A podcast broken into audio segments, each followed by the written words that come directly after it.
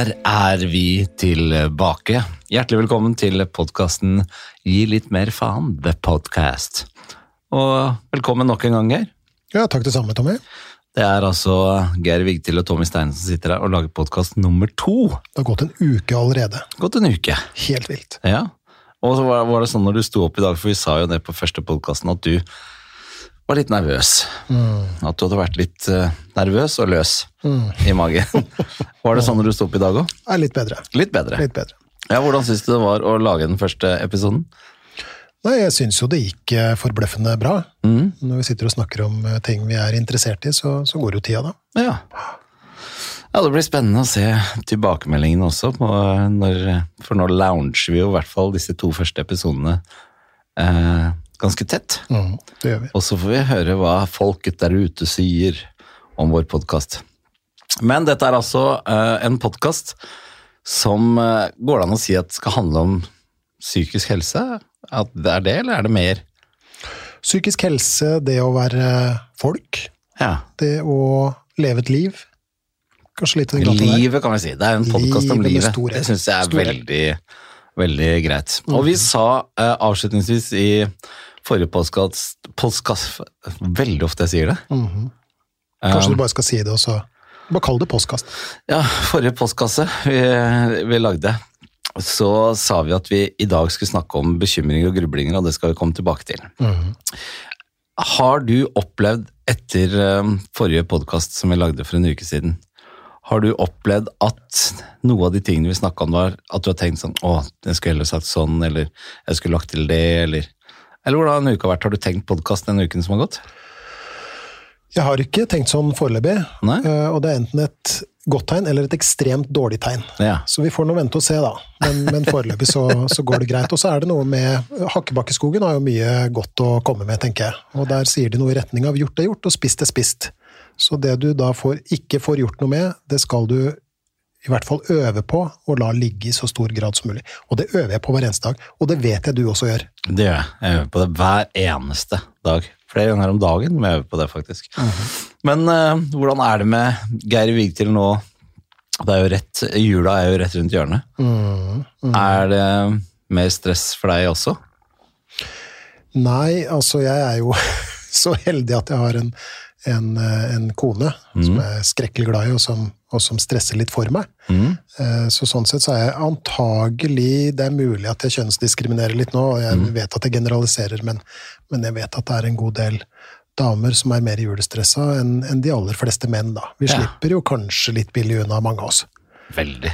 Men når det er sagt, så nærmer vi oss jul.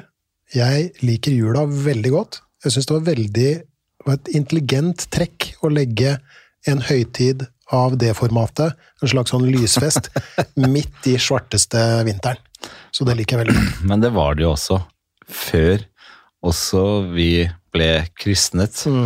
Så var det jo også vikingene og de som var enda før der en hadde jo en feiring på den tiden her av året, nettopp fordi lyset snur 21. desember, vet vi jo nå. Um, Så de hadde en sånn Bra at de kombinerte det, tenker jeg. Ja, så jeg tenkte at det var lurt at det var da Jesus ble født. Ja, ja, ja. Du er også litt sånn julete, er du ikke det? Veldig julete. Eh, Gleder deg. du smiler. Ja. ja, jeg syns det er en fantastisk fin tid. For jeg syns jo november er møk. Mm. Jeg syns november er mørkt og trist, og kanskje ikke den første snøen er kommet, men nå ser vi ute, nå er det jo snø. Masse lys. Folk pynter opp husene sine med lys. Bare mer og mer av det.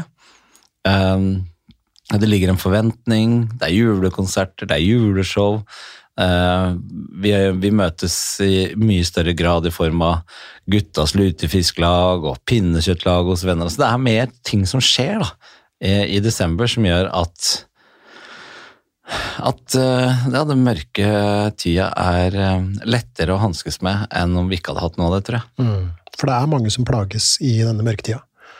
Mange som, eh, som syns at det er tungt. Mm. Og da er det veldig lurt å ha en sånn Det det. fest midt i. Nei, altså, jeg tror ikke de nede i, Spania og i enda varmere land og sånne ting har like stort utbytte av den derre juleførtiden som det vi her oppe i mørke nord har. Nei, det, det tror ikke jeg heller. Jeg tror vi gleder oss litt ekstra i og med at det er så mørkt og kaldt som det er. Da har vi fått slått det fast. Vi er begge to veldig glad i jula, og Veldig skal jula. fortsette å dyrke jula. Um, uavhengig om det er lysfest eller Jesu fødsel vi da feirer. Uh, jeg har ennå ikke klart å få bedre stemme enn for en uke siden. Utrolig som det henger i. Ja, det er, um, er faktisk veldig, veldig spesielt. Det verste er at på mandag og tirsdag som var nå, så var det bra. Så jeg tenkte nå blir det veldig lett i torsdag når vi skal lage podkast. Mm. Og så surkla det seg til i går kveld igjen. Sausnebb, som du sier. Ja, det er nettopp og slett det. Så jeg får bare fortsette å tygge Fishman's Friend her. Og så får vi bare si unnskyld på forhånd til lytterne våre at jeg har litt grøtete stemme, litt Johnny Cash. Det er mange som liker den countrystemmen, så, så det Det er er bedre det enn sånn Kermit the Frog-variant som enkelte har. Men da har vi gjort unna de syv minuttene med intro som vi hadde planlagt på forhånd. Eh, Fordi vi sa i forrige podkast at podkasten i dag skal handle om bekymringer og grubling. Hva er det? Ja, hva er det? Det er jo tanker, da. Ja. Ikke sant? Og tanker har vi jo alle. Ehm, Jeg tenker vi må jo vi må ta for oss én ting om gangen. Hva har du lyst til å begynne med? Jeg har lyst til å begynne med bekymringer. Med bekymringer. Jeg syns at bekymringer er kanskje noe i hvert fall jeg rent personlig har slitt mest med. Og jeg tror at det er fryktelig mange der ute som sliter med bekymringer. Eller det vet vi jo, at det er veldig mange som sliter. Og eh, det står jo det både i, i boken din, 'Hvordan gi litt mer faen', og i andre forskningsartikler som, som du har henvist meg til.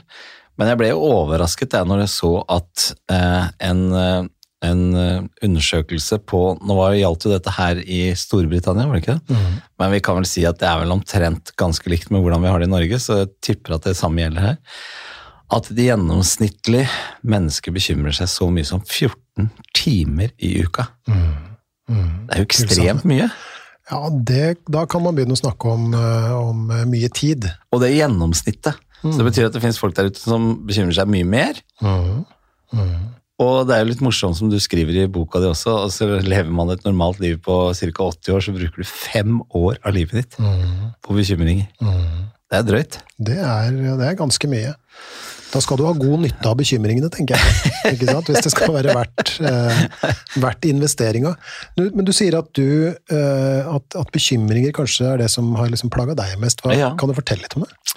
Det, det kan jeg jo, eh, for som vi nevnte i forrige podkasten, så er jo alt grunnlaget for at du og jeg jobber sammen, og denne forestillingen som jeg nå reiser rundt med, som heter Gi litt mer faen, Um, skyldtes jo, som jeg har sagt før, eh, denne smellen jeg fikk i 2017. En skikkelig psykisk smell til de av dere som ikke hadde hørt den første podkasten. Uh, hvor jeg var ordentlig nede og hilste på godgutta nede i mørkkjelleren i tre-fire måneder. Og når jeg kom meg opp igjen fra der, uh, heldigvis etter så kort tid, så blir det jo til at man analyserer jo veldig mye, ikke sant? Og det jeg syns var helt fantastisk når jeg kom over boka di, som da ble starten på det vendepunktet, det var jo at jeg begynte å gå inn og analysere sånn, hva er det slags tanker jeg har i hodet, hva er det som plager meg mest? Og da var det jo i hovedsak, og jeg sier i hovedsak for å være litt mer, eh, redsel for hva som kan skje framover. Enten det være seg i form av at jeg hadde nesten på grensen til helseangst. Eh, jeg har jo flyskrekk, ikke sant? Eh, og jeg bekymra meg for eh, Ok, når jeg kjenner det sånn, betyr det at jeg, kanskje det kommer til å skje meg, eller det kommer, hva hvis det hadde skjedd? Hva hvis den avisoverskriften hadde kommet? Hva hvis eh, den vedkommende hadde gått fra meg? Hva hvis jeg plutselig ble alene? Altså?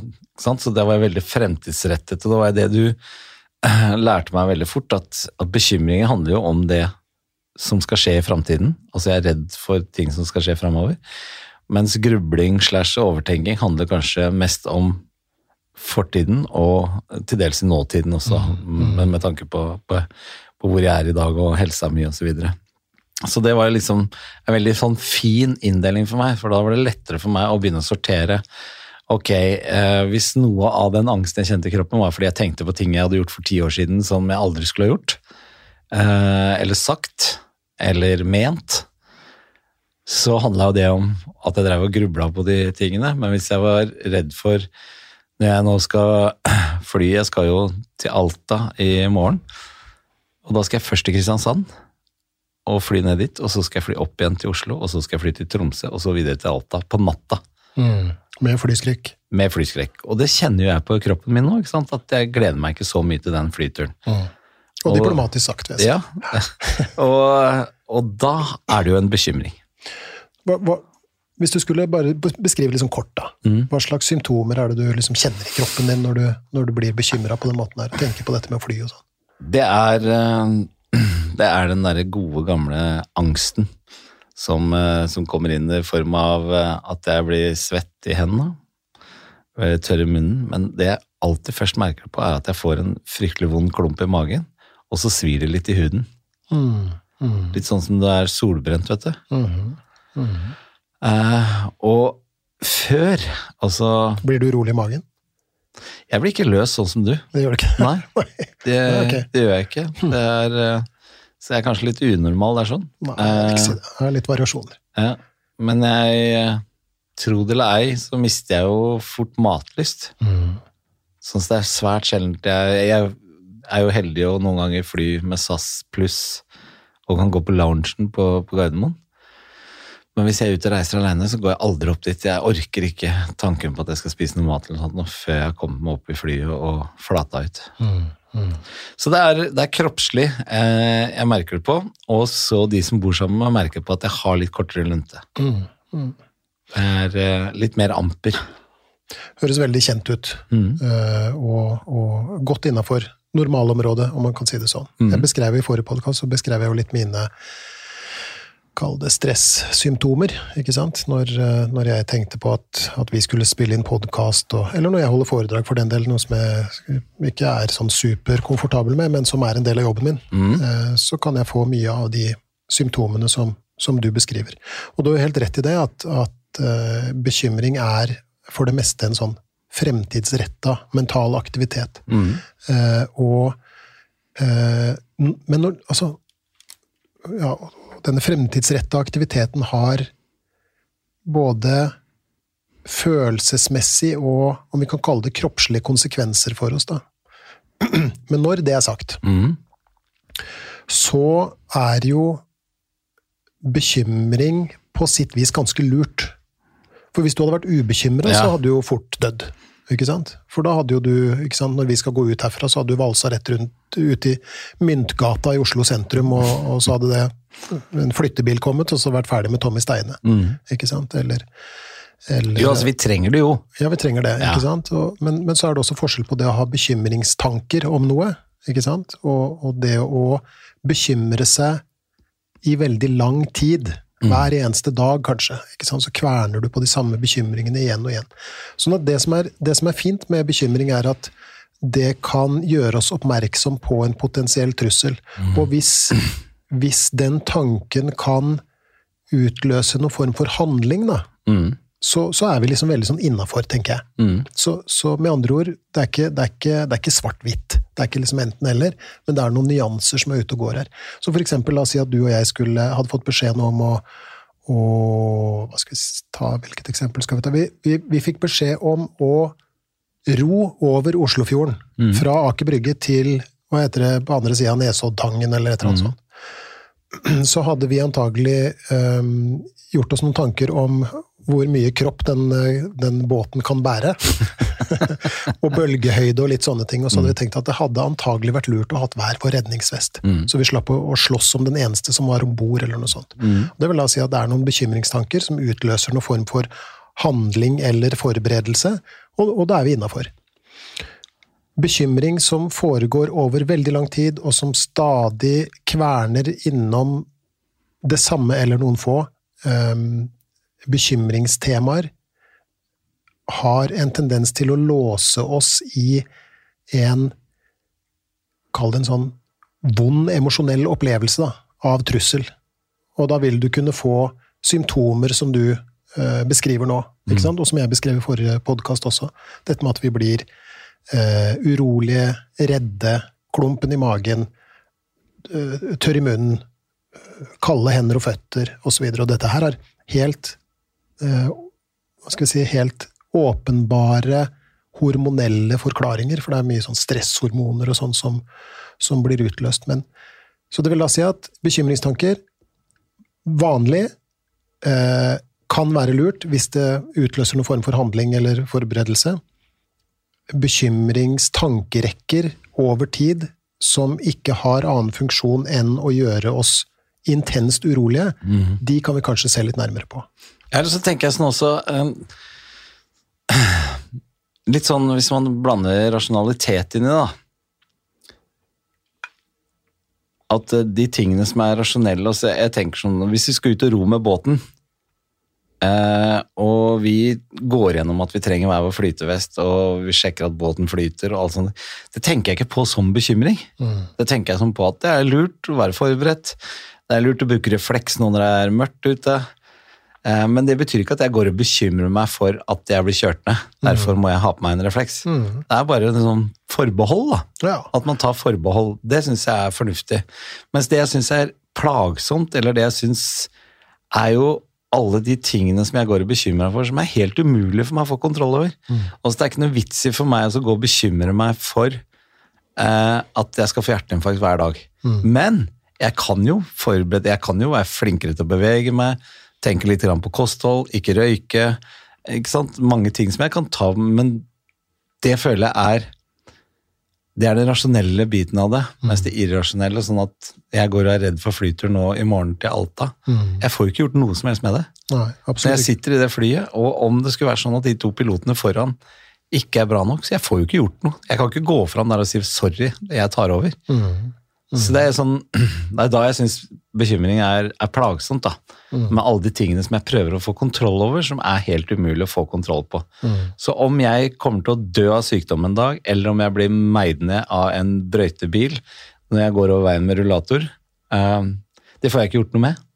Og ergo så prøver jeg å øve meg på hver eneste dag til ikke bekymre meg så Jeg bekymrer meg mindre om de tingene jeg ikke får gjort noe som helst med. Mm, mm. Og det er, jo, det er jo en, det er en klok holdning. Men hva er det folk bekymrer seg? uh, for det mener jeg også, jeg leste i boka di også, så det, det her har du sikkert uh, Hva er den mest vanlige bekymringen? Hva er det flest mennesker bekymrer seg for? Nei, det er jo en hel smørbrødliste over ting som folk eh, bekymrer seg for, og, det, og igjen så er det jo veldig individuelt, da, men vi kan f.eks. bekymre oss for uh, helsa vår, sånn som du Så det er veldig vanlig. Det er veldig vanlig. Ja. Såkalt helseangst, eller det som man i gamle dager kalte hypokondri, er, eh, er, eh, er, en, er en vanlig Sier du at det er en bekymring. hypokonder?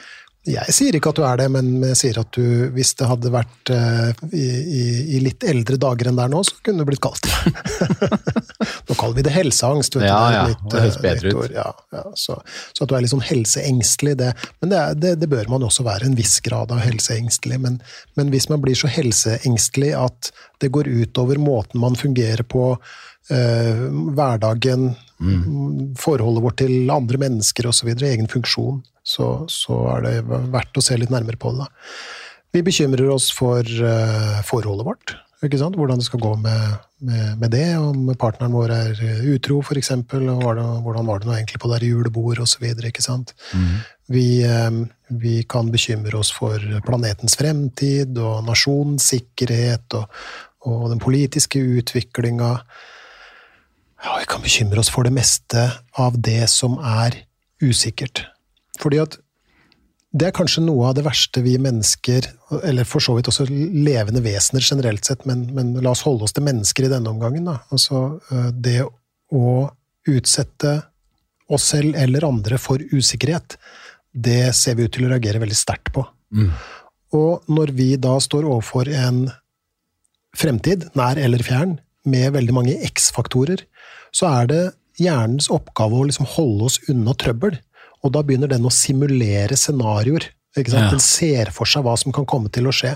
Og du vet at det er der vi av og til Fantasi. Man Ja, litt sånn fantasi. fantasi. Ikke Ja. sant? Fordi at og, og, og det, det er, en, det er en god, et godt begrep i denne sammenhengen, fordi at, du vet at når du forholder deg til Når du ikke bruker fantasien, da, så Ja. forholder du deg til virkeligheten. Mm. Og der er det det å begrense hva som kan skje i virkeligheten.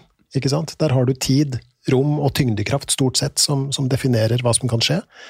Eh, Og så, så må det som skal skje, det må skje innafor den ramma, på en måte. Men når vi tar i bruk fantasien, da er den som kjent eh, grenseløs. Og, og da kan jo alt skje. Så vi forsøker da å redusere vår egen følelse av usikkerhet gjennom å forsøke å se for oss hva som kan komme til å skje. Men Ja. siden det er hjernens oppgave å, å holde oss unna trøbbel, så er det ingenting som er viktigere for den enn å simulere alt som kan gå galt. Og hva er det som skjer når vi får hva skal vi si, 20 versjoner av, av, av ting som kan gå galt? Da, da blir vi jo skrekkslagne. Ikke sant? Du blir ikke noe mindre usikker av å være skrekkslagen heller. Nei. Og så er vi i gang.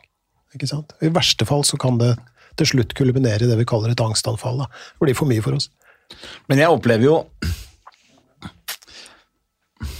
Jeg kan stille deg det spørsmålet først. Um, er vi mer bekymra i dag enn vi var for 50 år siden?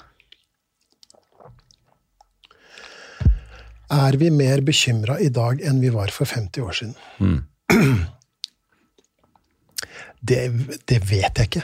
Jeg har ikke peiling. Jeg tror men, Ja, jeg, jeg, jeg er ikke sikker. Men, men at vi antagelig bekymrer oss for andre ting i dag Mm. enn vi gjorde for 50-100 år siden, der er vi nok antagelig på tryggere grunn.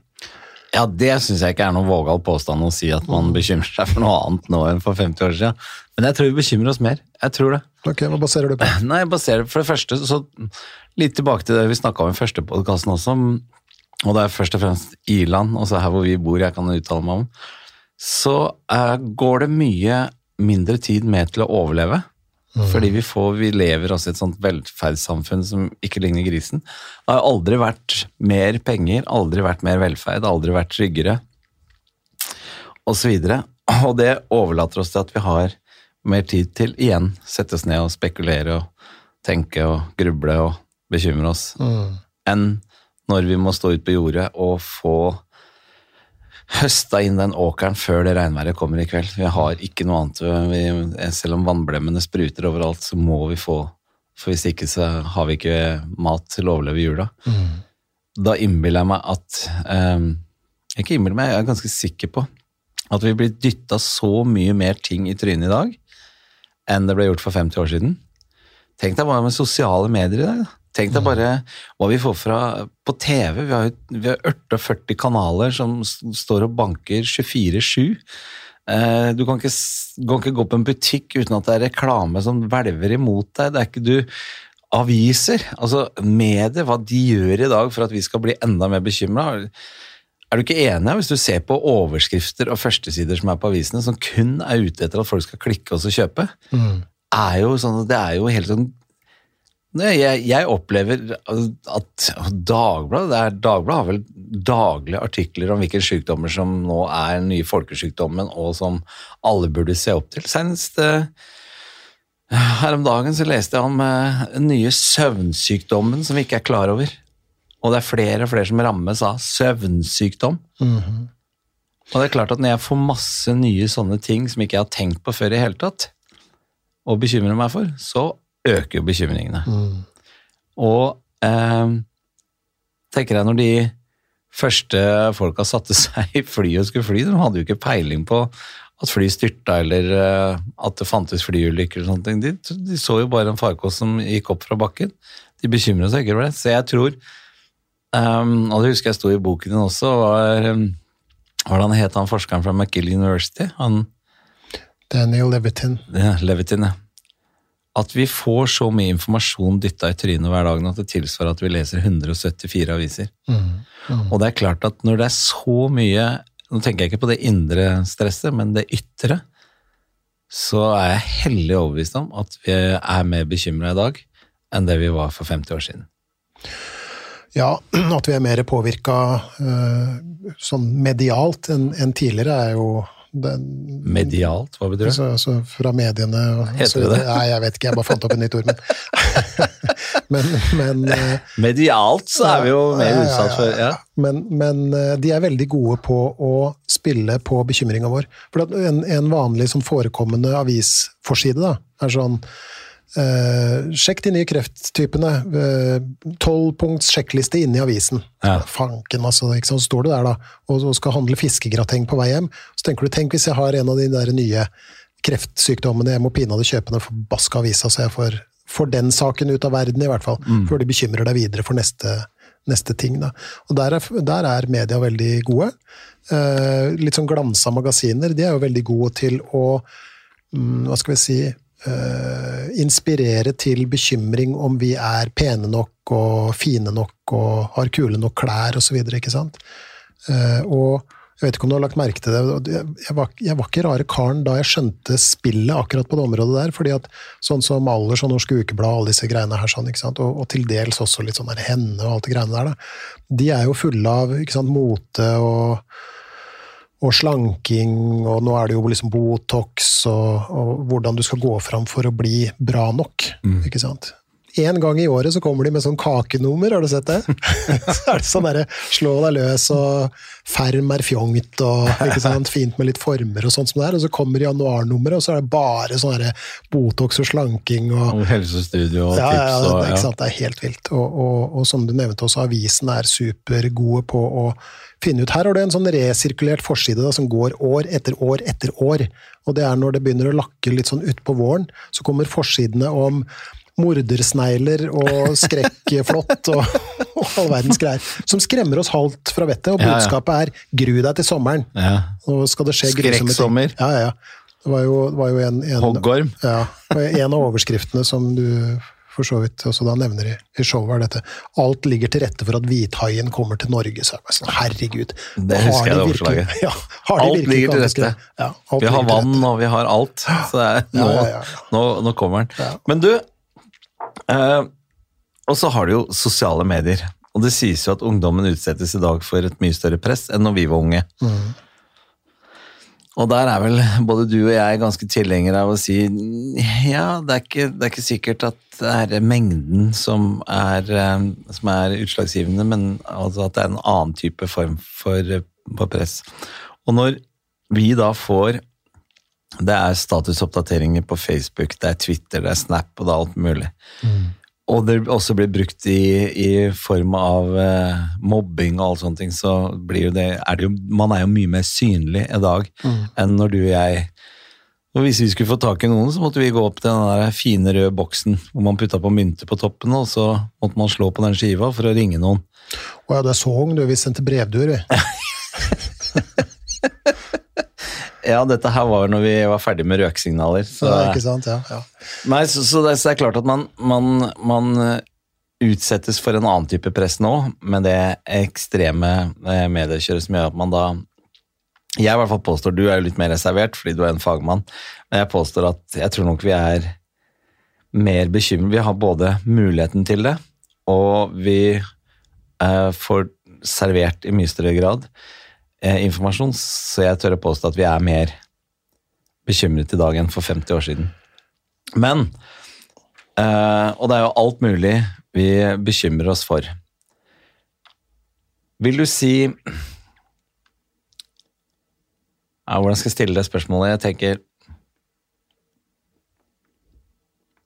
Hvor går skillet mellom det å være bekymra for noe og det å gruble på noe? For vi har sagt dette her med, med fortid og nåtid og, og framtid. Men hva er liksom det klareste skillet, tenker du, hvis vi skal, hvis vi skal prøve å isolere bekymringer kontra grubling? Mm, ok, så hvis jeg kan få svare på noe annet som du sa først nå, da. Mm. Dette med, med ungdom og sosiale medier osv. Nå sitter vi i Myntgata i, i Oslo, Mm. Uh, i studio til Moderne media. moderne media. Og rett nede i gata her så ligger den gamle børsen. Mm. Og for en, et, et par år siden eller sånt, så var jeg på en ungdomskonferanse i, i, i, i gamle børsen der. Mm. Og der var det en hel haug med, med veldig smarte folk fra hele Norge som hadde forska på ungdom. Eh, Og det de sa til min store overraskelse, det var at de fant ikke noen klare sammenhenger mellom det som de antar er sykdom, altså ungdomspsykisk uhelse, og sosiale medier. Hæ? Det var ingen, ingen åpenbar sammenheng. Det Det kunne være en viss sammenheng videre, men så vet jo forskere, da. De tar forbehold, ikke sant. Ja, Men, men jeg tenker også at det du, det du snakker om, dette med, med informasjonsmengden, og hva vi, hva vi utsettes for i løpet av eh, bare en dag, den har jo økt dramatisk. Eh, Den har jo Hva, hva var det da? Var det? 500, den har økt med 500% siden 1987. 1987. 500 mm. 1987. Ok, så, og det er jo dramatisk. Og så tenker jeg også at du nevnte noe mobbing. Mm. Nå er det fjernmobbing via, via sosiale medier, så der, der altså rent sånn intuitivt så kan man jo tenke at der er det, der er det nok noe. Mm. Um, men, men det vi utsetter oss selv for, ene er informasjonsmengden, det andre er jo skal vi si, dette som går på bekymringer om utseendet vårt, om vi er bra nok, om vi presterer bra nok, om vi, om vi er kule nok eller flinke nok. Fordi at i gamle dager så hadde jo, litt sånn som da vi vokste opp, da høres ut som det er eh, 1800 hvitløk, liksom, men, men, men da hadde man jo ikke skrekkelig mange å, å, å sammenligne seg med. Det var stort sett folka i klassen. Mm. Og i min klasse så var de fleste døgenikter, så det gikk veldig fint. Eh, og, og Pass deg, det er sikkert noen som hører på. Nei, det er nok ikke det. Eh, Men, men um, meg selv inkludert, bare så det er sagt. Ja. Men, men um, det, var, det var ikke veldig mange å sammenligne seg med. Nå har du alle disse såkalte influenserne som, som står fram og er opererte og filtrerte og Ikke sant? Og, og det, da, det er ikke så veldig vanskelig å forestille seg at opplevelsen av å ikke være bra nok eh, fort kan komme, da, tenker jeg. Nei. Jeg forsøker å holde meg unna der så godt jeg kan. Så jeg, jeg følger veldig få kontoer med veltrente 50 år gamle menn. For de fins. Jeg har sett det. det var, var, jeg, jeg holder meg unna. For, for, for mitt eget Du er jo beste. veltrent, snart 50 år, så det er ikke så Ja, det er å strekke det langt. Du er veldig hyggelig, Tommy, og så er det veldig fint å si når folk ikke kan se oss. Det er det som er fint med podkast. Veldig fint. veldig fint. Ok, og så da til, til eh, forskjellen mellom Uh, Ja, jeg, skal, jeg skal stoppe deg, liksom, for jeg, jeg ser sjøl at jeg gikk ett skritt for langt fram. Ok. Så jeg skal ta en, en mellomstopp. Mhm. Fins det noe man kan gjøre for å bekymre seg mindre? Og jeg skal da, mens du tenker nå, så kan jeg si hva, etter at jeg leste boken din, hva jeg har gjort. Som jeg merker har gjort at jeg bekymrer meg mindre enn jeg gjorde for to og et halvt år siden. I februar 2018 så gjorde jeg et forsøk med meg selv hvor jeg skulle ikke se på nyheter på en uke. Og jeg var en nyhetsslave. VG-nett 20-30 ganger om dagen, bare for å si at oppdateringen omtrent ikke var der engang. og syntes det var greit underholdning både å se nyhetene klokka sju og klokka ni på TV. Uh, fint å ha på nyhetene i radioen når jeg kjørte mellom møter eller på vei til jobb. Så jeg var nyhetsslave. Så tenkte jeg, klarer jeg å være uten en uke? For uten å tråkke på noen som helst der ute, så er det jo svært sjeldent at det kommer noen gode nyheter. Det er mye drit. Så det hadde jeg lyst til å teste for meg sjøl, om det utgjorde en forskjell. Nå er vi i desember 2019. Jeg har enda ikke sett på nyheter. Ikke sett på VG-nett en eneste gang. Altså Med det så mener jeg at jeg, eh, hvis jeg får høre om noen som jeg interesserer meg for, så kan jeg google meg fram og så gå inn på akkurat den nyheten. Unnskyld. Men jeg har ikke gått inn på VG-nett og starta på toppen og rolla meg nedover for å se hva som er i nyhetene i dag. Det har jeg ikke gjort siden februar. Allikevel så får jeg jo med meg ting. Du står jo i kassakøen på Kiwi, og det er førstesider som lyser mot deg. Eh, Det er jo ting på Facebook som er den eneste eh, sosiale mediene hvor jeg er med i form av jobben og showet. Eh, og jeg hører jo hva folk snakker om, og hva som blir tatt opp, og sånne ting, så jeg føler ikke at jeg har gått glipp av noe særlig. Det er mulig jeg ikke er den første i familien som kan si 'har dere hørt at det kan jeg vel ikke i like stor grad lenger'? Eller i det hele tatt. Men det er også det eneste. Så for meg så har det å kutte ut så å si alt av sosiale medier og kutte ut nyheter gjort meg veldig mye godt. Og det, og det, det er jo lett å, å, å støtte det. Og, og hvis man jeg, jeg er også en sånn tidligere nyhetsjunkie. Første jeg gjorde da jeg våkna om morgenen, scrolle gjennom alle avisene for å se hva som hadde skjedd. Men poenget er at hvis du er litt sånn kritisk til, til det der, og så hvis du, hvis du neste gang du er inne på en nettavis, se på hva som rent faktisk er nyheter, så øh, vil du bli ganske overraska. For det er fint lite av det som, som er det. Det er mye sånn tips til ikke å være utro på julebordet, og, og slik blir du kvitt gnagsårene, og en del sånne ting. ikke sant? Og, det er det det går Slå på. på side 11 og sjekk om du er blind, du òg. Ja, ikke, ikke sant. Eller den, det, det aller verste jeg har sett sånn, eh, sånn i sånn helsebekymrings... eh, hva skal vi kalle det, vinkling. Det var en av våre herværende aviser som eh, hadde en artikkel om helseangst, og hvor du inne i avisa kunne slå opp og gå gjennom 14 punkter for å finne ut om nettopp du hadde helseangst. Og, og, noe av problemet til, eller kanskje hovedproblemet til folk med helseangst, er at de er for opptatt av helsa si. ikke sant? De mm. sjekker for mye. Men nå kunne du altså sjekke om du hadde helseangst også.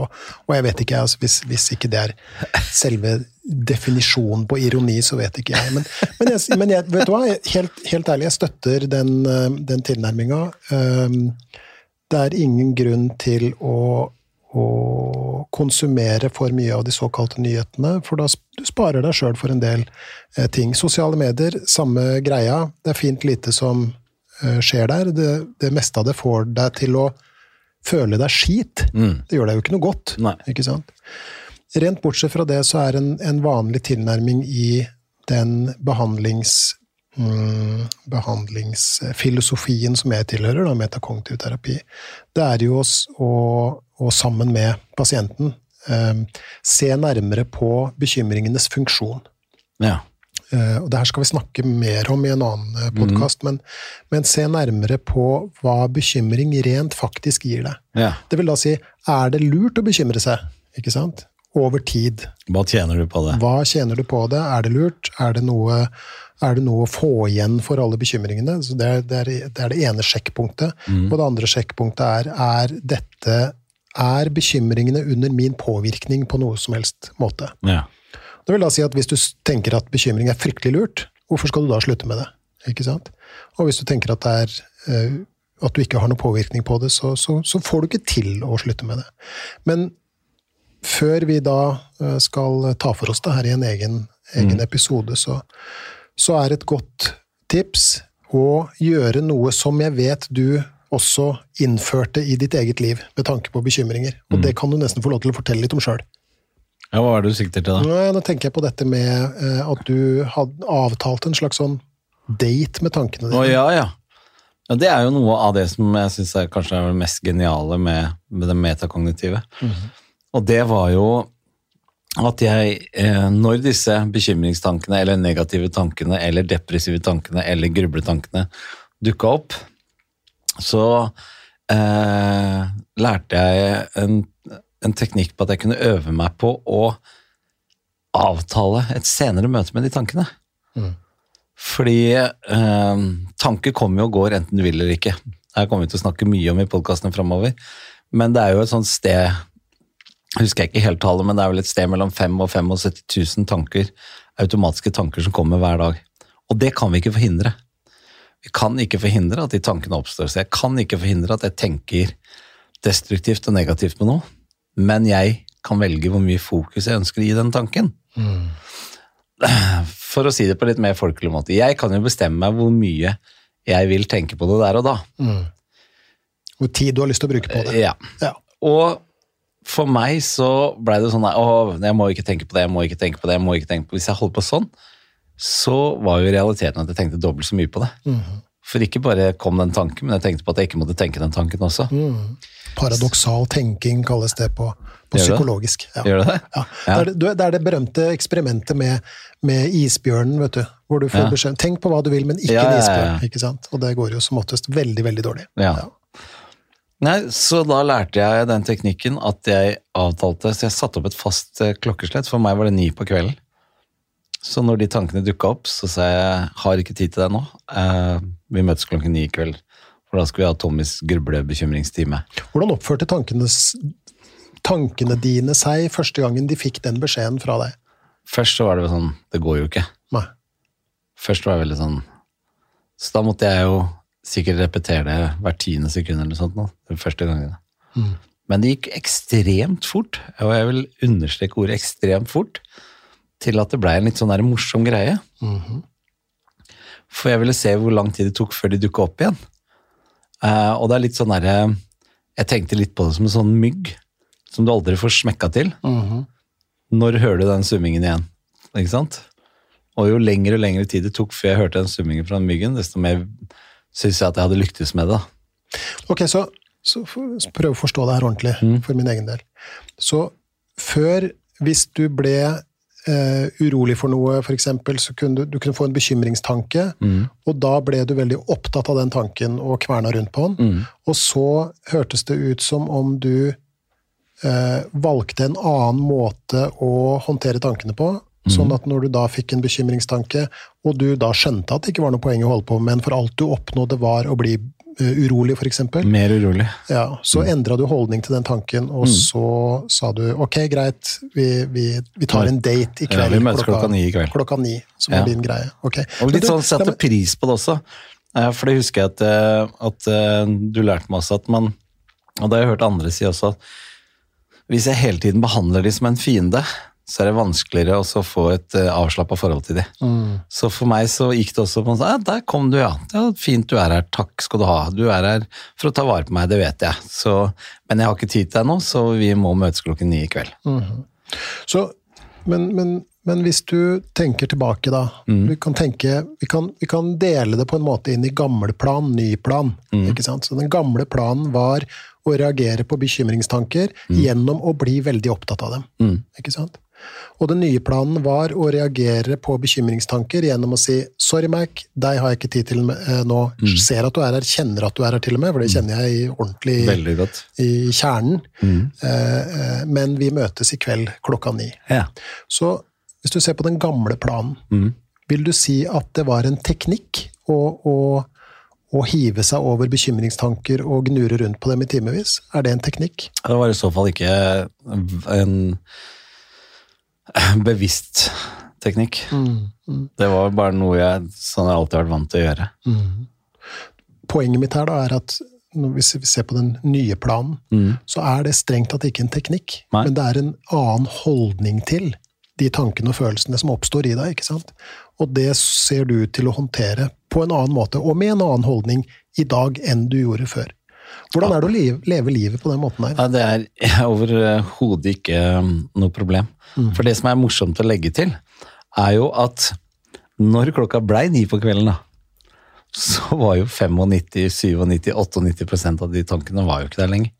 Så det var ikke noe å ta opp. Jeg var liksom Jeg satt på det møterommet, og det var svært få som dukka opp på det møtet, da. Så um, Og når, du, når jeg hadde gjort det liksom noen dager, så var jo det liksom bevis nok for meg at, at, at det var en fantastisk teknikk, da. Nei, jeg tuller med det. At det var en veldig bra holdning. Um, men krevde jo, som all annen trening, om du skal lære deg å løpe maraton eller hva enn du skal trene deg opp til, krevde ekstremt mye jobb i begynnelsen.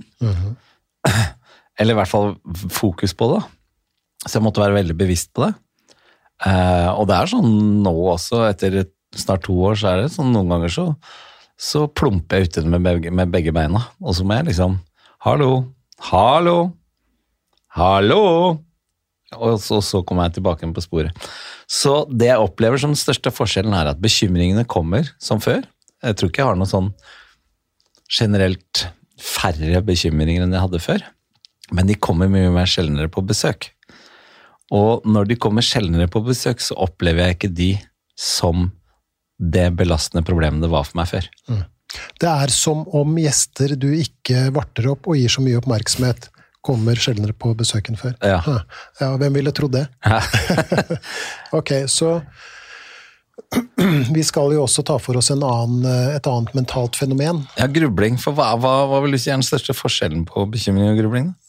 Den største fordelen Nei, fordelen, hører du. Den største forskjellen, Ja. eh, den nevnte du jo selv eh, innledningsvis. Eh, Det er det at den som oftest er retta mot ting i fortida vår. Ja. Nær eller fjern fortid. Og også ting som foregår nå, gjerne egenskaper ved oss selv vi ikke er spesielt fornøyd med, og som vi da har en tendens til å gnure litt på. Eksempel et veldig sånn vanlig tema er det å kanskje nesten litt sånn følelsen av, eller mistanken om, å ikke være bra nok. Ja. Eh, Det er den store forskjellen. På engelsk så, så eh, kaller man grubling for rumination. Og rumination er, hvis du oversetter det, så, så er det eh, drøvtygging. Ikke sant? At man, man Litt som kyrne, da. Som tygger gress, gulper det opp. Skvulper det rundt i munnen, ned igjen, ikke sant? opp igjen osv. Så, videre. så er det samme forholdet med, med, med tanker. At, at, vi elter på de samme tankene igjen og igjen og igjen. Og igjen. Og en av mine ja, Det er en genial beskrivelse, syns jeg, når jeg leste det i boken. At, at grubling, det er det grublingen er. Mm. At, uh, men i motsetning til kua, da, så får vi ikke de blir ikke noe finmalt og kommer ut til slutt. De blir jo bare værende, så du bare går og tygger på de samme tingene om mm. igjen og om igjen. og om igjen uten å komme noe nærmere løsning. En av mine pasienter hadde tenkt på det samme temaet i over 20 år. Det er helt fantastisk. Og det, det var, ble ganske plagsomt på, på sikt. da. Ja, jeg har jo det samme med meg og skalla. Så jeg Men nå har jeg slutta å tro at jeg er skalla, for jeg er ikke. Så nei, det, er ikke det, det. Jeg, gidder ikke å plages av den tanken at jeg, at jeg er skalla. Igjen, nei, takk Gud og lov for at vi er på podkast, ikke på TV. ja. Nei, men, men, men, grubling er jo er jo, og, og det jeg synes var derfor jeg, jeg spurte det og holdt på å hoppe over et, et spørsmål Men det jeg syns var det mest fantastiske når jeg kom til det, til den type forklaringen din i boka, da, at man liksom kunne skille litt mellom hva som er grubling og hva som er bekymring. Mm så opplevde jeg også at det var lettere å få forståelse for det. Mm, mm. Og lettere også å si sånn Hva mener du med få, få forståelse? Altså, Nei, altså, din, din, at, at, du forsto egen, det? Ja. ja, riktig, ok. Mm. At det var lettere for meg å forstå ok, det er det jeg holder på med. For når du, er, når du bare er fryktelig redd og deprimert og har angst og sånn som det jeg hadde, så er, så er, det jo noe av det største problemet at alt bare kommer hele tiden. Mm. Du får ikke sortert det. Du får ikke, det er liksom sånn, du rekker knapt nok å bli ferdig med 'herregud, tenk hvis jeg styrter', og så idet jeg lander, så faen hva var det jeg sa på det julebordet i fjor? Altså, det, det, bare fløyt i hverandre. Og når du ikke fikk det ut av huet og ned på et papir eller vekk fra det, så ble det bare en større og større smule. Og da ble det etter hvert bekymring om at det var noe som feila meg òg. Mm. Siden jeg kunne ha så mye sånne tanker. Mm. Og så det bare toppa seg over hverandre hele tiden. Ble du bekymra for at du bekymra deg så mye? Ja, og begynte å gruble på om jeg bekymra meg veldig mye. ikke sant? Så, så, det var Det var veldig, veldig, veldig um, Altså, det ga meg fort et skritt på veien da, når jeg plutselig kunne sortere. Ok, når jeg tenker sånn så, så er jo det grubling og drøvtygging på det som har skjedd. Mens når jeg gjør det sånn, så er det Ok, så fikk jeg liksom på en måte kategorisert det litt. Mm. Og derav lettere plassert det litt i de skuffene og boksene skal være. Okay. Og så kunne jeg angripe det. Så litt sånn fra tankekjør eller tankekaos til i det minste litt mer orden? Da. System, ja. Mm. Ok, så bra. Så det syns jeg var eh, Så Derfor syns jeg det er veldig fint. Og derfor jeg ville at vi skulle ta med begge de to i, i, i podkasten i dag også. Mm. En, en annen sånn uh, forskjell på bekymring og grubling er, er, hva vi si, hva vi forsøker å oppnå. Mm. Ikke sant? For med bekymring så forsøker vi å redusere følelsen av usikkerhet på et vis. ikke sant? Gjennom å forsøke Det er jo det. Det er jo uroen. Ja, ja, Usikkerheten og uroen. Ikke sant? Den vil vi helst ta bort. Og hvordan skal vi få dem bort? Jo, gjennom å forsøke å få et svar om hva som skal skje. Ja. Og så har vi denne simulerende hjernen som mm. gir oss det ene katastrofescenarioet etter den andre, og så blir vi slett ikke eh, roligere av det, men, men, men bare enda mer eh, urolig. Tankeprosjektet når det kommer til grubling, er ofte det å komme til bunns i ting, mm. og det å finne svar på ting. Gjerne, gjerne Eh, forhold som, som eh, hva skal vi si, angår oss selv, typ i form av barndom, ikke sant, som er et vanlig tema som folk eh, mm. grubler på.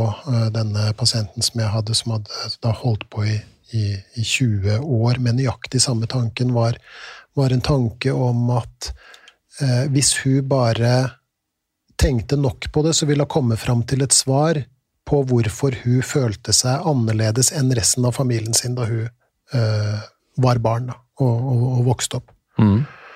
Og det hadde hun som sagt holdt på med i over 20 år. Uten å komme fram til et svar. Og det vil da si at hvis grubling Er en god taktikk. Ikke sant. Hvis det er en veldig god måte å finne svar på, mm. Hvorfor har du allerede brukt 20 år på det her uten å komme fram til et svar? Og det, og det er jo et betimelig og helt logisk spørsmål. Ja. Men for denne personen så ble det vendepunktet. Ja, men jeg tror det er litt Det er jo egentlig litt det samme som det jeg sa som skjedde med meg også, fordi hun hadde ikke tenkt på det som at det var noe hun gikk og grubla på. Mm, mm. Ikke sant? At det var når, når, du da For når du er midt oppi den spørja, så klarer du ikke å ta det der skrittet ut og så ser på det utenfra, så hva er det du holder på med? Hva tjener du på det? Hva er godt for deg? Jeg husker når jeg var som, som mest redd for alt mulig, så var det sånn Ja, hva tjener du på å være redd da, Tom? Altså, du tar ikke de, de skrittene ut, da. Men du, eh, bekymring og grubling. Vi har jo da klart kunststykket å skravle oss over 50 minutter i dag også. Gud bedre. Eh, Så, så tiden flyr. Men eh, jeg har lyst til at vi skal innføre en greie på disse podkastene framover. Mm. og det bør ikke være noe sånn veldig grundig, men bare sånn liten sånn reminder. For det, det syns jeg var så fint i boken din også, er jo den herre korte oppsummeringen du har med de grå, på de grå feltene i boka. Hvis vi skal oppsummere podkasten vår i dag, hva er det? Tja, kan ikke du gjøre det, da? Som har sittet i den enden. Jo, jeg Så kan jeg, kan gjøre et forsøk etterpå, jeg også. Ja, jeg kan, jeg kan prøve. Jeg har lyst til å oppsummere podkasten i dag som følger. Bekymringer og grublinger er eh, på en måte hovedbestandsdelen av overtenkingen vår ligger der sånn. Også når vi sliter med at det er for mye tanker, så er det enten i form av bekymringer som handler om ting som kan skje i framtiden, eller grublinger som handler om meg selv i nåtid, eller ting som har skjedd i fortiden. Og grubling var Det engelske ordet for eh, grubling var rumination Yes, sir. som betyr drøvtygge. Aha. Og summen av disse to tingene er at det er forskjellige ting man kan gjøre for å ikke bekymre og gruble så mye. Og den beste ideen for meg til nå har vært å avtale bare et senere tidspunkt, en date med disse tankene. Syns jeg var veldig godt uh, oppsummert. Og så vil jeg legge til, eh, ikke nødvendigvis ikke som en oppsummering, men mer som et sånt vedlegg. Da. Og det er det at både grubletanker og bekymringstanker er helt normale, Normalt. og forekommer normalt inni hodet vårt.